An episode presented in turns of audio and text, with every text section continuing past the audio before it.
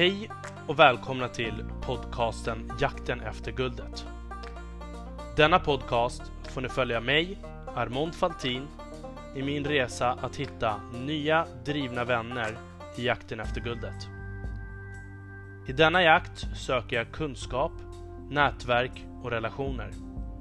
Jag kommer även dela med mig om mina egna tankar kring resan och ta upp aktuella ämnen som dyker upp på vägen. Häng med! Ingenting är omöjligt. Ja, nu kör vi. nu jävlar, nu kör vi. Ja. Yes. Jaha. Uh, vi kom precis överens om att vi ska ha en helt transparent, härlig konversation om eh, livet och livsval och förändringar. Humor och hela den biten. Uh, Yes. Med mig i podden idag har jag Rickard Karlsson, Just det. kärlkirurg, Precis. författare till boken Lä- Konsten att lära känna sig själv och andra. Nästan. Konsten att möta sig själv. Konsten att möta sig själv. Tyckte du var väldigt bra ändå. Ja, men jag, jag, det blir svart. Så fort man slänger på mikrofonen Ja, så ja. blir det helt svart. Och då tittade jag och försökte tjuvkika på boken där. Precis. Det gick ju hyggligt bra. Ja, det fungerar. Det Ja, det fungerar. så att, eh, vi har ju haft världens mest dynamiska samtal här innan vi slänger på mikrofonen. Och jag tycker att vi ska fortsätta försöka köra på den tråden. Absolut. Eh, vad ska vi prata om för ämne? Vi ska prata om ehm, vikten av att möta sig själv, Arman. Mm. När mötte du dig själv? Jag mötte mig själv eh, jag möter mig själv hela tiden skulle jag vilja säga. Mm. Det är verkligen så. Jag la ut en eh, post på LinkedIn för eh, några veckor sedan tror jag. Och där skrev jag, eh, jag reflekterade över vad som går som en röd tråd genom mitt liv. Och det är, det är behovet av att möta sig själv, eller mig själv. Och att vara sann mot mig själv. Mm. Det är så jädra viktigt. Mm. Ehm, och ju mer jag gör det, uh, viktigare blir det på något sätt. Precis. Uh, alltså när du pratar om möta dig själv, jag, jag Mm. berättade det innan också när vi kollade på den här boktiteln och sådär. Och, och, och jag, jag kände verkligen igen mig själv i det där. Mm. Uh, hur ska man kunna möta andra om man inte möter sig själv? Precis. Och, och, och jag känner att um, du har gjort några livsval, Mm. som uh, att bli kärlkirurg Mm. till, Mm. till exempel. Ja, är som ett väldigt tungt yrke. Och eh, jag har märker också mm, eh, förändringen som du berättade också att du har gjort och, och en, i och med att du började skriva den här boken och ditt entreprenöriella Mm. intresse. Så är det. Eh, och eh, bara för att återknyta till det du sa, så är det ju så eh, att det blir ju väldigt svårt att möta andra på ett riktigt bra sätt om du inte har mött dig själv. Jag, jag är ju helt övertygad om det. Mm. Att, att genom att möta dig själv så, så bygger du ett fundament på vilket du kan eh, ta sats ut i det okända på något sätt och möta andra. Va? Det, det, och det finns liksom ingen genväg förbi det där. Alltså jag, jag är helt övertygad om det. Mm. Eh, och eh, jag skriver ju eh, om det i boken och, och eh, det är ju eh, när jag skrev boken så är det ju så att jag, jag är ju jag är ju tvungen att på riktigt möta mig själv eh, i skrivprocessen för att, för att det ska bli äkta. Annars blir det ju bara en floskel, annars blir det ju bara liksom ord. Va? Mm. Och det kan, ju, det, kan ju, det kan ju vem som helst skriva. Så på vilket sätt möter du dig själv? Är det något, är det något speciellt som du tänker på? Du måste ju, vi pratade också tidigare om det. Ja, ja. det, vi, det problemet Vi har ju är, pratat, vi pratar ju emellan. Det är ju så. vi pratar emellan hela tiden Ja, och, absolut. och, och då har vi värsta samtalen. Ja. Och sen nu sätter vi på mikrofonen och så Ja. blir det lite så här. Ja, ja, det blir ju lite så. Så att eh, jag tycker det, det är synd om alla lyssnarna nu, liksom, att, att, att de missar ju alla, alla riktigt bra konversationer som, som sker emellan. Precis. vi har liksom stängt av mick. Ja, men precis. Ja, men, eh, jag frågade ju dig bland annat om till exempel, eh, behöver en läkare kunna svenska? Eh, eh, En kirurg? Ja, precis. Ja, Och då sa jag med en fas att det behövde man precis. Därför att eh, det är ju lätt, och det var ju det vi pratade om då, det här att, eh, och, och det är ju också en av reaktionerna jag har fått då när, när jag har eh, presenterat boken, det är att, eh, ha, eh, du som kirurg, du skriver en bok om, om möten mellan människor och att det blir någon, någon form av eh, lätt motsatt förhållande där. Att, att en kirurg ska, ska hålla tyst och operera och så ska någon annan liksom sköta mötena. Men jag köper ju inte det riktigt. Utan Mm. För mig är ju mötena superviktiga. Va? Och, eh, och då är det klart att då, då, måste man kunna, eh, då måste man kunna möta sina patienter eh, och använda språket också naturligtvis. Så det, är Mm. inte, det är inte så att man kan bara operera utan man måste, jag, jag träffar ju mina patienter före och, eh, och efter naturligtvis. Och sen så, eh, det blir som jag, som jag förklarade för dig, det blir ju som att eh, man etablerar ett kontrakt med patienten Mm. som, som innebär att, att vi, jag ser det som att jag, jag ska ju ta patienten, jag ska hålla patienten eh, och etablera ett förtroende snabbt. Och så ska jag ta dem igenom själva behandlingsprocessen, vad det nu är. Och sen så ska jag eh, ja, hjälpa dem efteråt. Mm. Och, och, det, och det, hela det där blir ju en resa på något sätt. Va? Där, där vi ska göra det tillsammans, även om det är jag som, som, som eh, har det medicinska ansvaret. Men det, det finns så mycket mer eh, alltså bortom orden på något sätt. Va? Alltså jag ska ju skapa en känsla hos patienten som gör att den känner sig trygg. Den känner sig sedd, den känner sig... Ja, du vet den här känslan i magen Mm. som, som, som vi skapar hos varandra. Va? Precis. Men jag, jag tänker engelska, vi, vi kan ju så bra engelska i Sverige. Kanske bara 70-plussarna som inte är så bra, eller? Ja, men Agda, 85 år. Hur Mm. bra engelska kan hon? Ja, men det är det jag menar. De kan ju inte. Men Nej. alla den yngre generationen. Ja, men om du tittar på mitt patientklientel så är ju de till stor del gamla. Va? Okej. Visst. Så du vet att de har ju inte en, de har inte en chans. Kan du berätta, vad en kärlkirurg, Mm. vad, vad, vad gör en kärlkirurg? För jag har lite blodfrågor sen också. Ja, ja, visst. Jo, men jag vet att du är fascinerad av det där med blod. Alltså. Det är ju så. Du, du, Mm. du, du har liksom du, du har mycket funderingar på detta, Arman. Precis, Ja. jag tror att jag är immun mot sjukdomar Ja, ja, ja, biten. men sån, ja, visst. Ja, vi, ska, vi ska nog försöka bena ut ett och annat här. Mm. Men eh, en kärlkirurg gör ju, eh, för det första så gör den ju, eh, för det första handlar det om att, att man behandlar eh, sjukdomar i, i cirkulationssystemet då, eh, vener och artärer. Och det gör man då med principiellt två stycken olika metoder eller, eller tillvägagångssätt. Och det är antingen då med, med kateterteknik där man eh, med ballonger och eh, stentar, alltså att man lägger in rör i, i blodkärlen för att eh, oftast då förbättra blodflödet när det är trångt i artärerna. Eller om man behandlar brock på, på stora kroppspulsådern till exempel så kan man lägga in ett rörsystem där. Mm.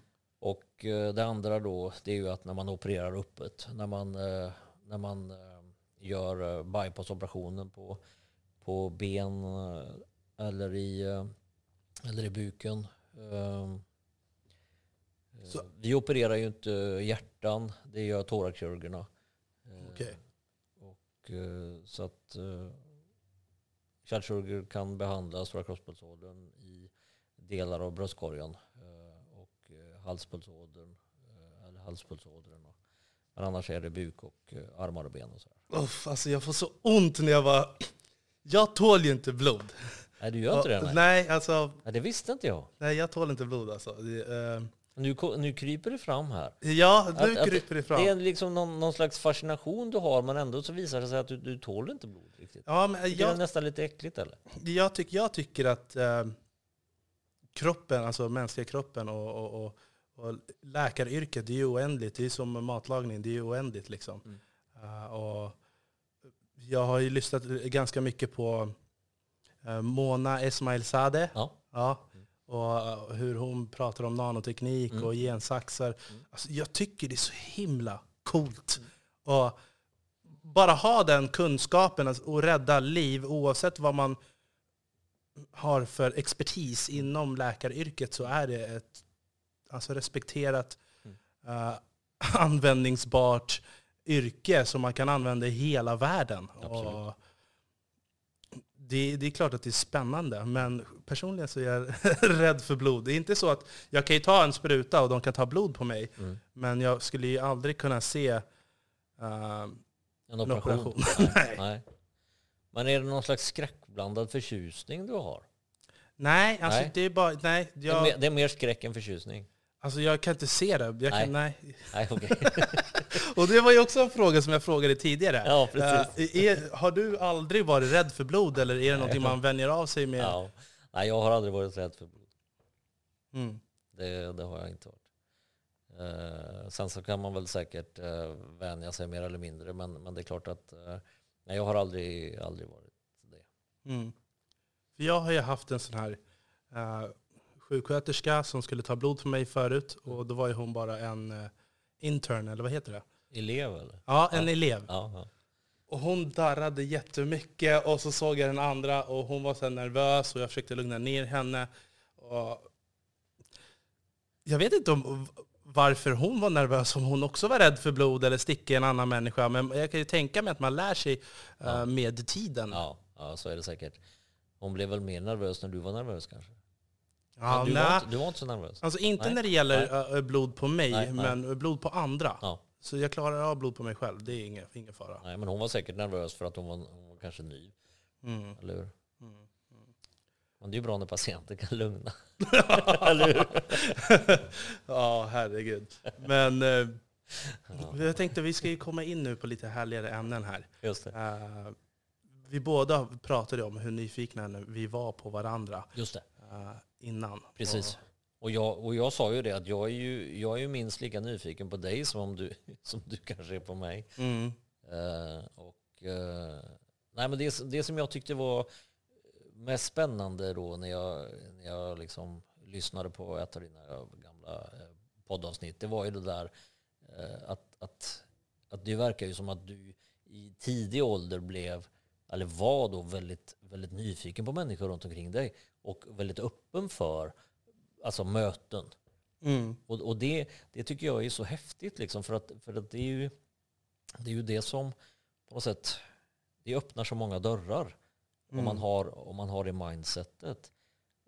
Och, och, och det skulle jag ju vilja liksom veta mer om när det gäller då dig och, och hur det liksom har, har format dig. Då liksom. Har det alltid varit positivt eller, eller har, har du liksom också känt att, att, att ja, det kanske har inte alltid varit så lätt? Alltså det är verkligen på gott och ont för att eh, när man väl är, har den öppenheten och sen samtidigt kommer in till en viss insikt Mm. som många vuxna inte ens har kommit fram till idag. Nej. Det gör att du kan ta åt dig information mycket snabbare Mm. och lära dig mycket snabbare. Mm. Och när man har den emotionella intelligensen och du är stark i dig själv att du vågar möta andra människor. Och för att du har sett och känt alla uttryck själv. Mm. Och du, du är trygg i, alltså jag har alltid varit den erfarna i rummet men det, skadar, det har ju skadat sig på vissa områden så blir det ju så att i skolan till exempel. Eh, jag hade väldigt lätt i skolan i, början. Mm. Men eh, jag blev ju inte underhållen där. Nej. Så att, eh, det, det gör ju att man... Det, till viss del har jag missat väldigt mycket. Och till viss del så har jag lärt mig enormt mycket. Men jag har inget att bevisa det för. Alltså Nej. hur, hur visar jag vad jag kan? Nej, precis. Men, men, men då blir jag nyfiken på det här. Liksom, vad, vad känner du att du har missat mest? Jag känner att... Nu, nu, märk, nu tar jag över intervjun. Så nu, nu liksom, nej, men, nej men, men det är liksom, du vet, jag blir ju supernyfiken på det. Vad, vad känner du då att, att, att, att du missade? så här. Jag har ju fått vara med på de mest fantastiska resorna överallt.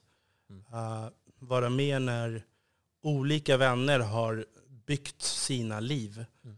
Uh, det kan vara så att någon säger så här, ja, men följ med på den här konferensen här borta.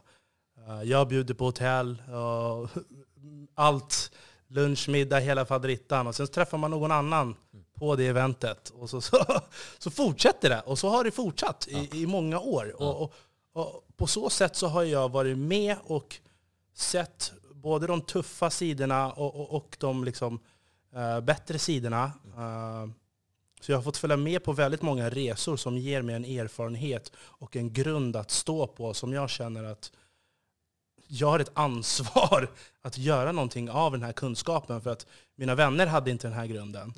Uh, och, men problemet är när man kommer tillbaka sen till Sverige och här är all, allting väldigt ordentligt. Mm.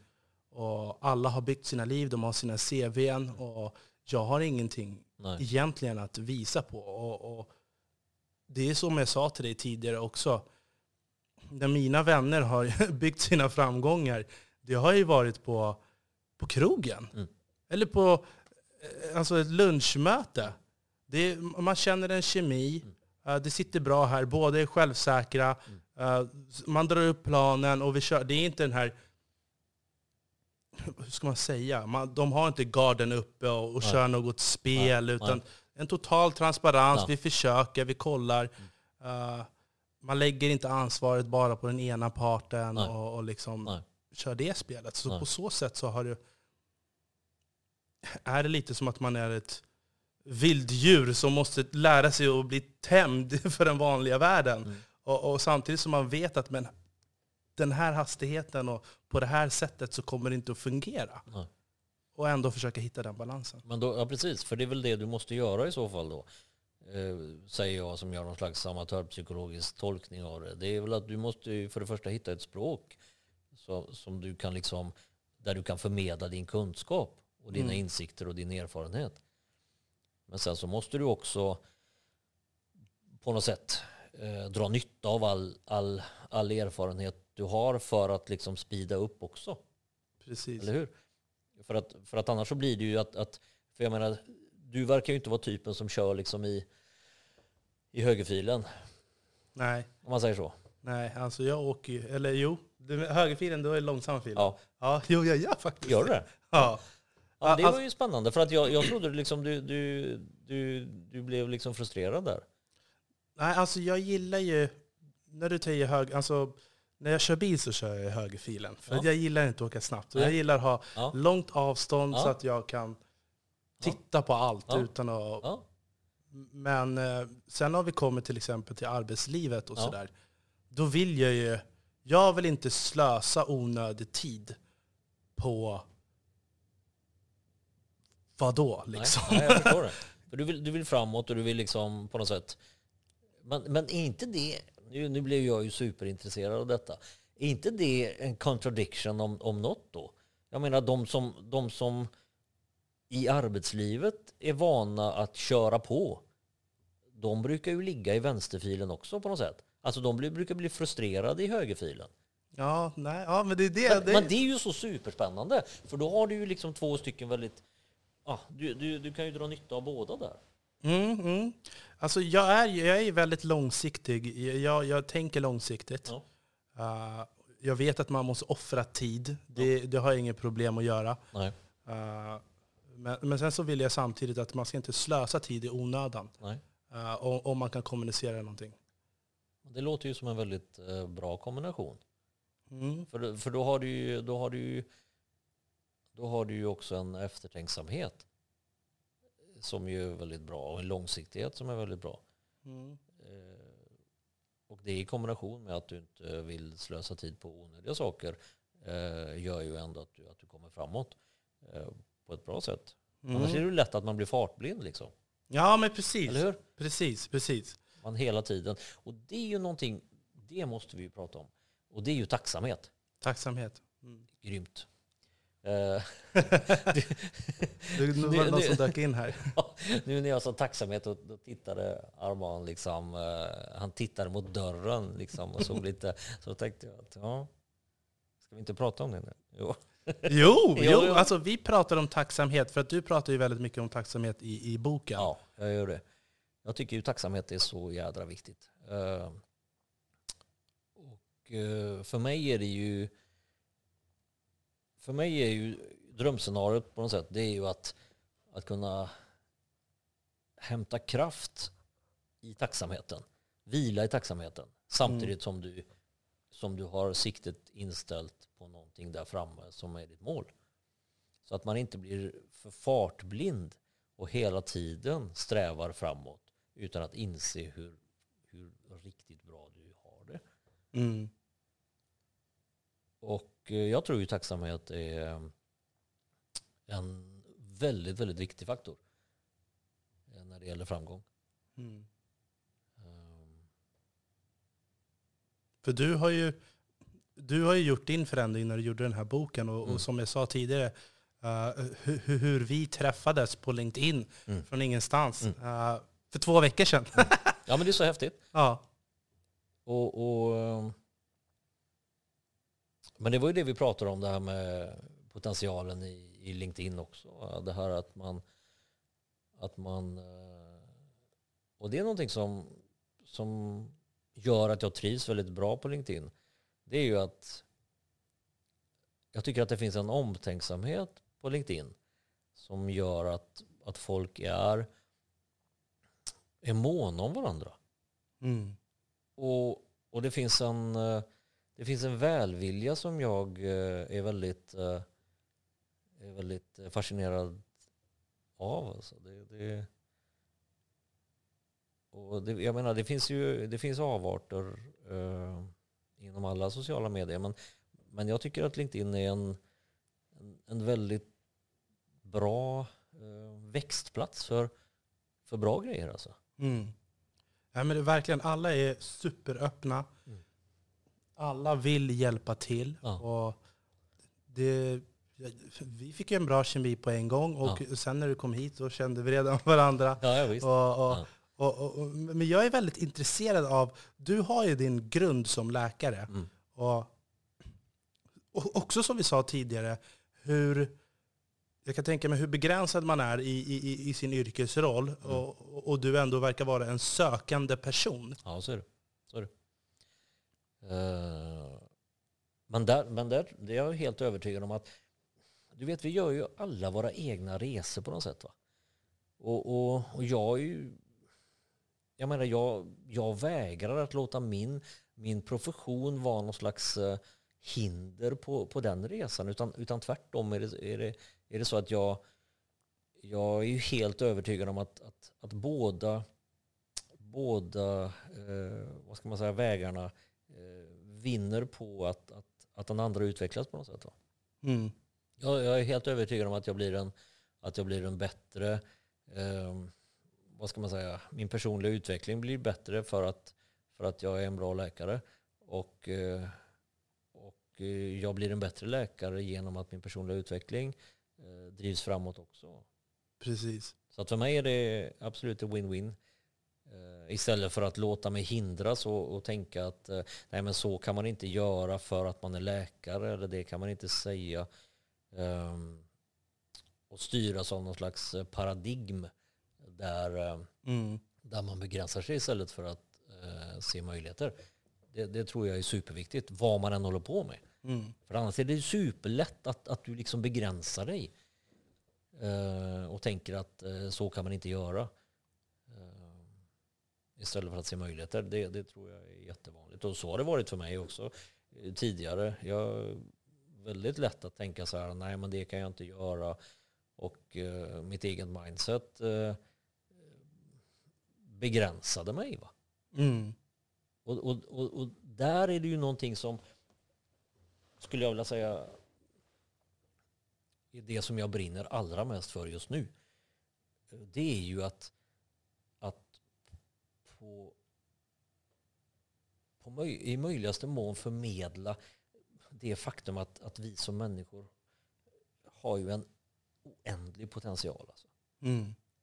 Och det, det, är liksom, det är så lätt att säga det. Det är så lätt att tänka så här liksom att ja, men det är en klyscha. Du vet, det står någon sån här, någon sån här eh, personlig utvecklingsguru och, och, och, och alla liksom står med händerna i luften och sådär. Men det är ju så Precis. att den potentialen vi har, den är ju så fantastiskt stor. Va? Det sitter bara i huvudet. Ja, det gör ju det.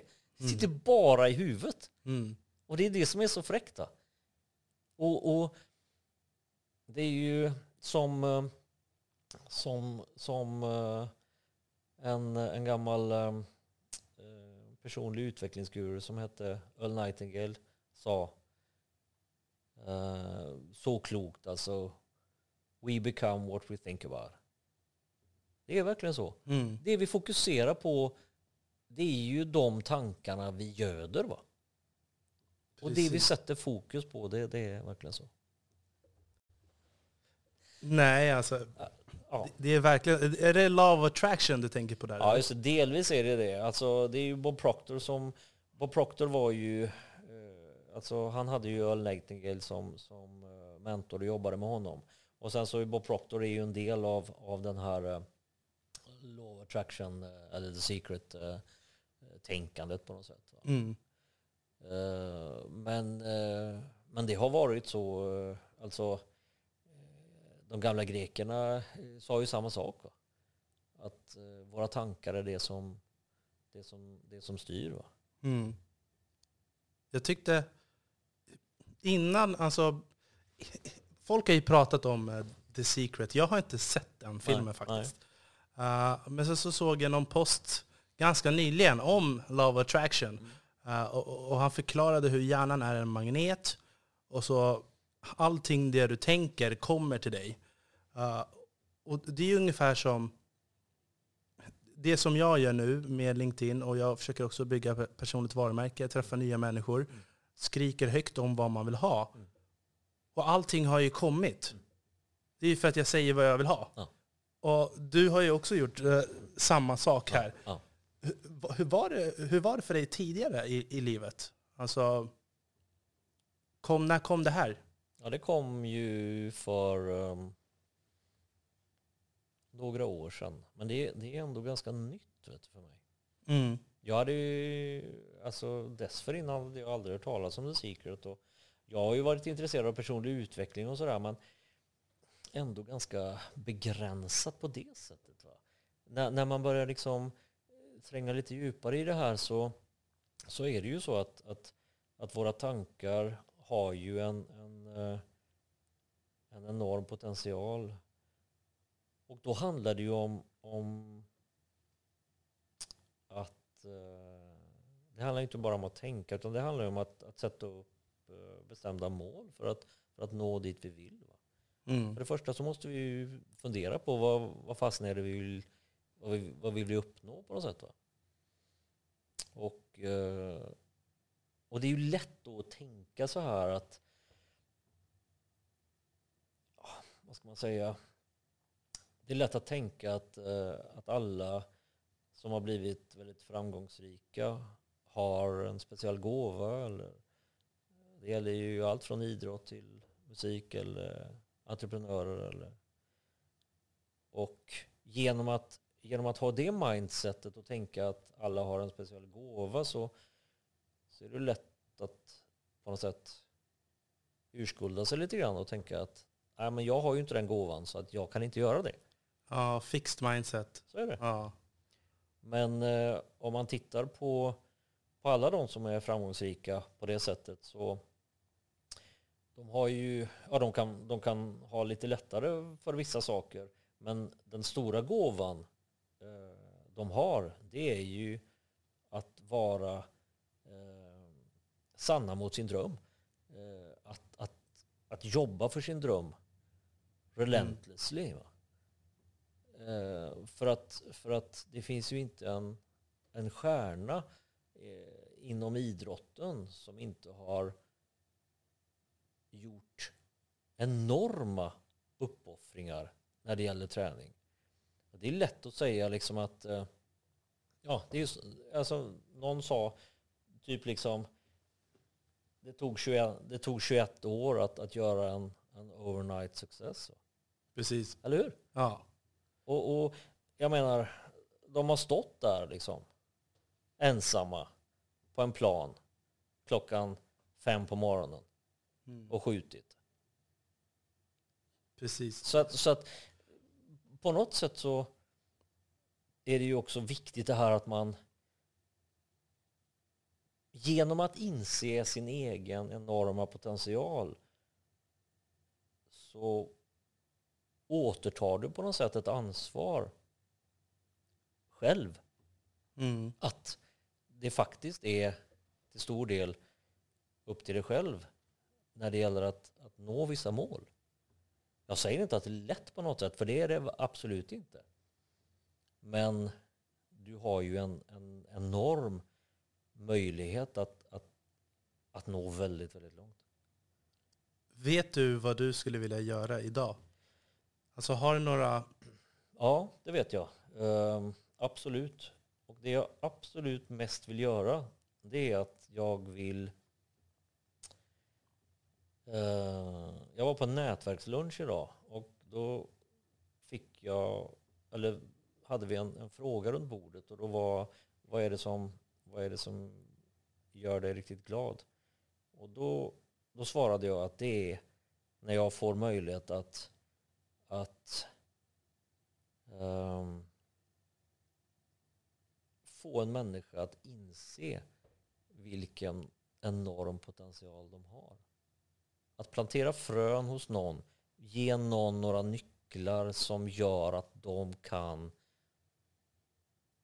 frigöra sin egen kraft. Mm. Det är ju, det är ju väldigt stort. Ja, verkligen. Det är ju en, det är en, för mig är det ju en, det är ju en enorm ynnest att få göra det. Och det är ju häftigt va? Mm. Ja, alltså det, det är det mest givande man kan göra. Ja visst är det.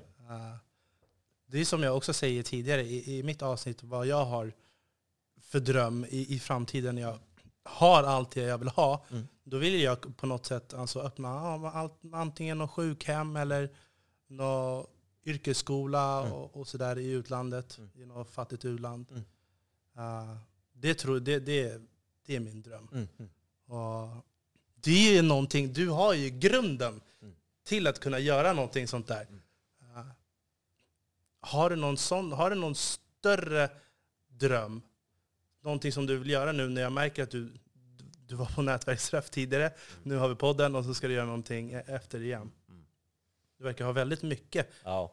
Sen är det ju så att jag, du vet jag kommer från uh, lilla Vänersborg och då passar jag på när jag kommer till Stockholm att göra så mycket som möjligt de här dagarna. Nej men eh, det är ju så att uh, jag har jättemånga tankar. Jag vill ju göra det bättre för många. Och jag vill ju kunna motivera och inspirera så, många så många människor som möjligt. Uh, så att uh, jag ser det här som en som början på en, på en resa som jag inte vet var den slutar i nuläget. Men jag har jag har stora mål. Mm. Mm. Har Då kommer du... jag till dig sen Armand och, och frågar om du kan hjälpa mig. ja, precis. Ja, Ja, men det är klart att vi ska... Alltså, jag Ja. har ju tagit den här podden av en anledning. Ja. Det är för att jag Ja. vill träffa människor. Ja. Jag vill lära känna dem på riktigt. Ja. Och jag är en sån person att det spelar ingen roll om vi inte ses på tio år. Nej. Utan jag kan ringa. Ja, ja, Tiden ja, betyder ingenting ja, för mig. nej. Men det, det är precis samma med mig. Och, eh, vi pratar och det är ju också väldigt intressant det vi pratade om förut. Vi har ju pratat om supermycket när mikrofonen har varit av, men Mm. nu ska vi försöka återknyta till det där. Men det är ju det här vikten av att omge sig med människor som, som lyfter dig. Va?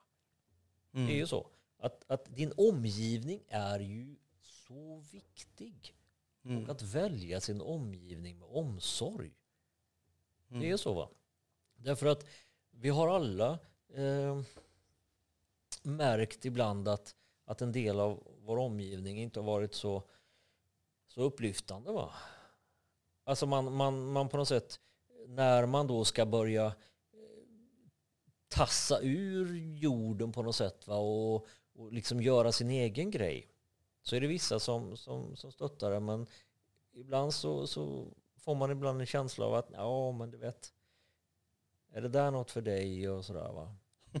Eller, Ja. Det har du aldrig fått eller? Jo, alltså jag har det, men jag har också haft enormt stöttande. Ja, Alltså, till exempel det här kontoret, som jag berättade för dig också innan. ja det har ju gått i arv Ja. i flera kompisar. Ja. Mm. Och han som hade kontoret från början, han heter Peter. eh, han brukar åka till Spanien på sommaren till exempel. Mm. Eh, och han hade en Lexus SUV. Som, och, och, och det var samma, samma sak där. När han arbetade så var det väldigt mycket... Ibland så fick han dricka alkohol på, på någon middag, så han kunde inte köra bilen. Mm. Nej. Och han visste att jag träffar jättemycket människor. Så då hade jag bilen och alla som jag träffar bara ”Oh, wow Armond! Vem, ser den här bilen?” Ja, ja. och, och, så, Han har ju marknadsfört sig själv under hela sommaren när han är borta. Och sen när han kommer tillbaka och vi har julfest eller sommarfest eller någonting så, så vet alla vem Peter är och bara undrar vem är den här dåren som lånar ut sin uh, lyxbil till Armond? Just det. Nej, men, ja, men det, är ju, det är ju bara en sån grej som, som är liksom... Ja, det är ju det är superbra va? Och, och, och för honom bara, nej men det kostar bara parkeringar annars, eller någon kanske skrapar på den. Ja, Och, ja. och, och, och på så sätt har jag haft många eh, runt omkring som har varit upplyftande. Att de har ju, på så sätt har de ju trott på en. Men så finns det ju också de som, som nu, när man eh, ko- har kommit tillbaka och är i en viss ålder, då är det en helt annan skillnad. Nu ska man ha åstadkommit en hel del saker. och Det är splittrat. Det är Ja. verkligen annorlunda nu. Ja.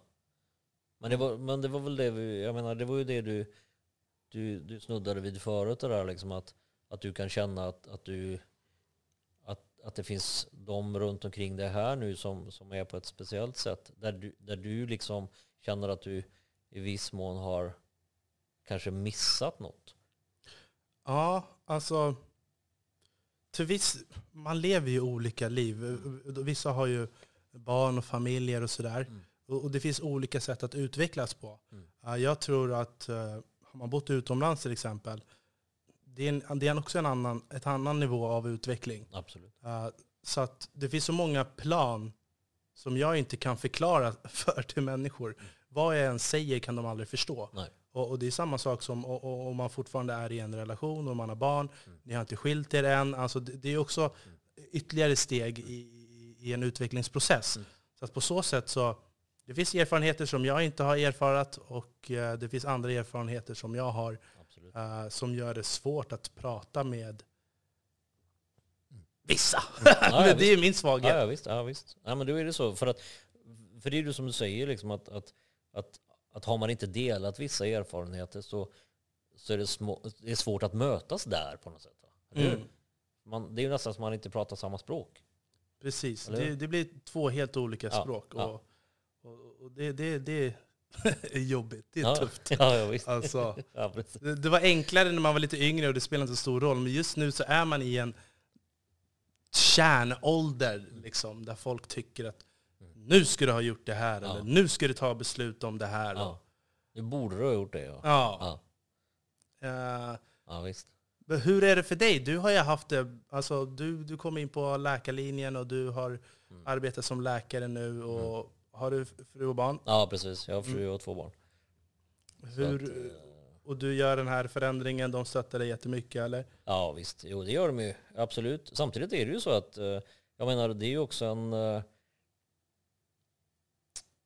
Ja det är ju också en förändring. Jag menar helt plötsligt så, så bestämmer jag mig för att jag ska skriva en bok. Mm. Och, och det är klart att alla, inklusive min familj, eh, höjer på ögonbrynen och tänker va? Vad menar du liksom? Nej men alltså jag menar, Mm. det, det, det är inte så, det är inte så konstigt. Nej, Eh, precis. eh, Men samtidigt så, i det fallet så, som jag har sagt tidigare, att det, när jag väl hade bestämt mig så var det ju, det var aldrig frågan om om, utan det var bara frågan om när boken skulle bli klar. Va? Mm. Därför att det var ett sånt starkt behov, ett starkt inre behov av att, av att klä mina tankar och, och, och funderingar kring de här ämnena i ord. Va? Det, det var verkligen så. Och jag kände det, eh, det kan också låta som en klyscha då att, att eh, eh, ja, man lyssnar på sin inre röst och sådär. Men, men, men för mig var det ju så. Jag var helt tvungen att göra det. Va? Jag, jag ville liksom, jag visste att gjorde jag inte detta så skulle jag gräma mig resten av mitt liv. Kvävas långsamt. Ja, ja visst. Och jag ville inte ligga, det där vi pratade om förut, det där liksom att, att ångra sig på sin dödsbädd. Va? Mm. Att ligga där och gnaga, att det skulle ligga där och gnaga och tänka liksom så här att shit liksom, varför gjorde jag inte det? Undrar Mm. hur det hade blivit. Så att nu, nej. Och det som, och, och, och det är ju en sak som, som hände med, alltså när det gällde boken då, som, som, som blev någon slags transformation skulle jag vilja säga. Eh, det var ju det att, eh, jag menar, det började med en tanke som till slut resulterade i en bok som jag hade i min hand. Och det har jag ju, när jag fick boken i min hand så började jag gråta. Mm. För det var så mycket känslomässigt kapital investerat i boken så att det blev liksom shit alltså. Det blev, det blev så starkt. Men det som också hände det var att när jag insåg att tanken hade resulterat i en bok så kände jag att då är ju nästan allt möjligt. Alltså. För allt börjar ju med en tanke. Mm. Jag menar, titta på allt vi har runt omkring oss och, och, och alla uppfinningar och allt som har åstadkommits i denna värld. Det började med en tanke och det blev någonting för att någon inte gav upp. Precis. Och det är ju det starkaste som finns. Och hur förklarar du det och bevisar det mer än att liksom göra det du har gjort? Och var det någon som du ville bevisa det här för mer än dig själv? Det var aldrig frågan om att bevisa någonting för någon. Mm. Det var bara ett inre, ett superstarkt inre behov av att jag måste göra det. Mm. Det var aldrig frågan om en avbockning på, ett, på en bucket list eller någonting som Mm. jag skulle ha gjort. Utan för mig fanns det ingen annan väg än att skriva den här boken. Alltså. Det var verkligen så. Hur lång var processen? Ja, jag skrev ungefär ett år. Ehm, och ehm, jag var ju tvungen också att, att eh, stanna upp då uh, emellanåt för att, för att förankra den i mig själv. Ehm, och eh, det som jag tycker är så kul nu när jag får feedback på, på boken det är ju att man kan läsa den på många sätt. Va? Antingen så läser man igenom den hyggligt snabbt och tycker att ja, den var väl okej. Och så finns det de som läser lite långsammare, stannar upp och eh, på något sätt tränger lite djupare i den.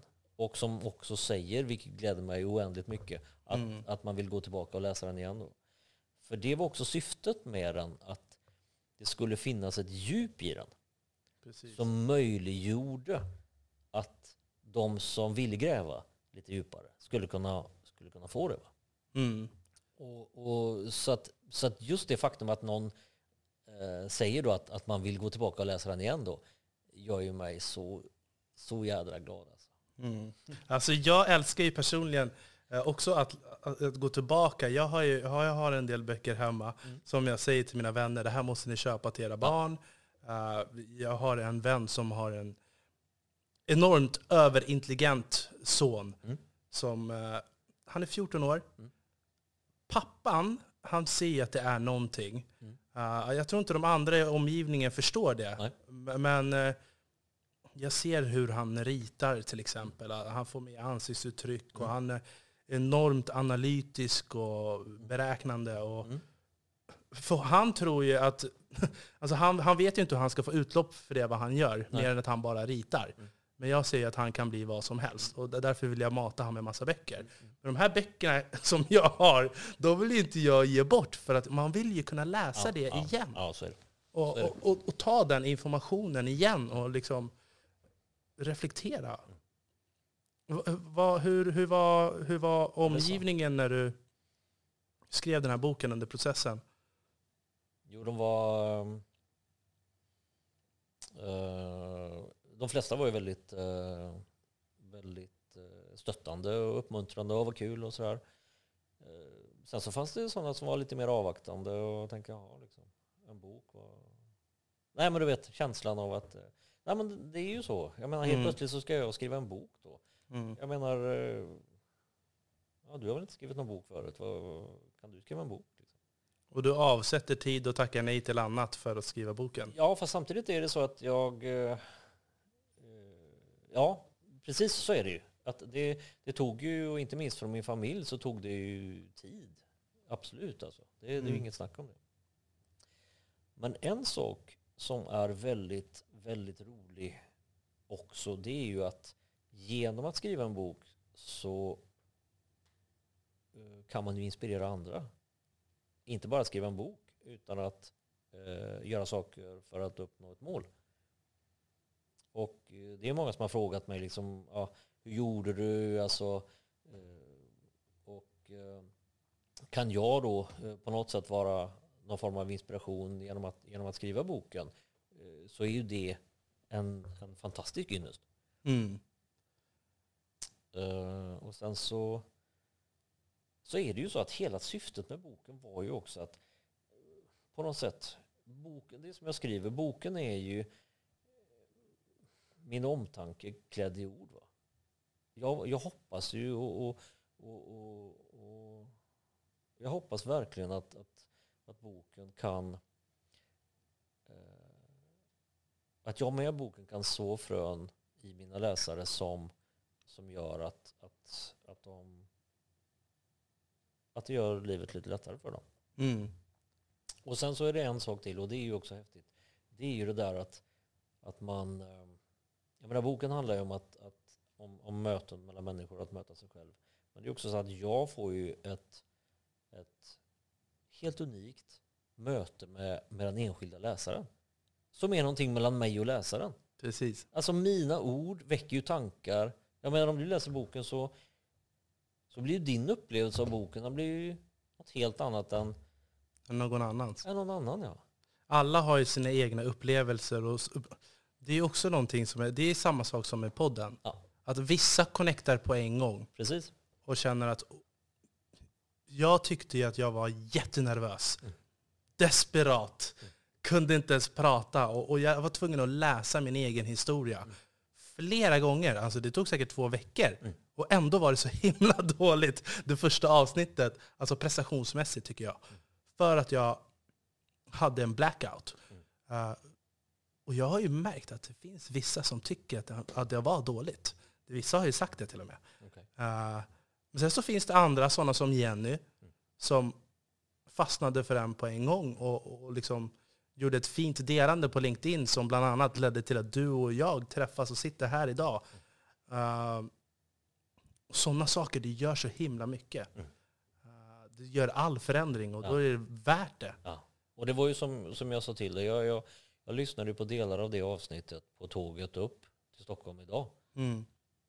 Och, och, och, och det, det grep ju tag i mig jättestarkt. Va? och, och, och jag menar, så, så kom jag hit och berättade det för dig och då berättade du att, att, att du var liksom supernervös och, och hade fått en blackout och det hade tagit så lång tid och du, du hade liksom superprestationsångest och sådär va. Det märkte inte jag ett, ett skit av. Utan, utan, utan det jag hörde och, och, och den känsla du förmedlade var ju, var ju jättestark. Va?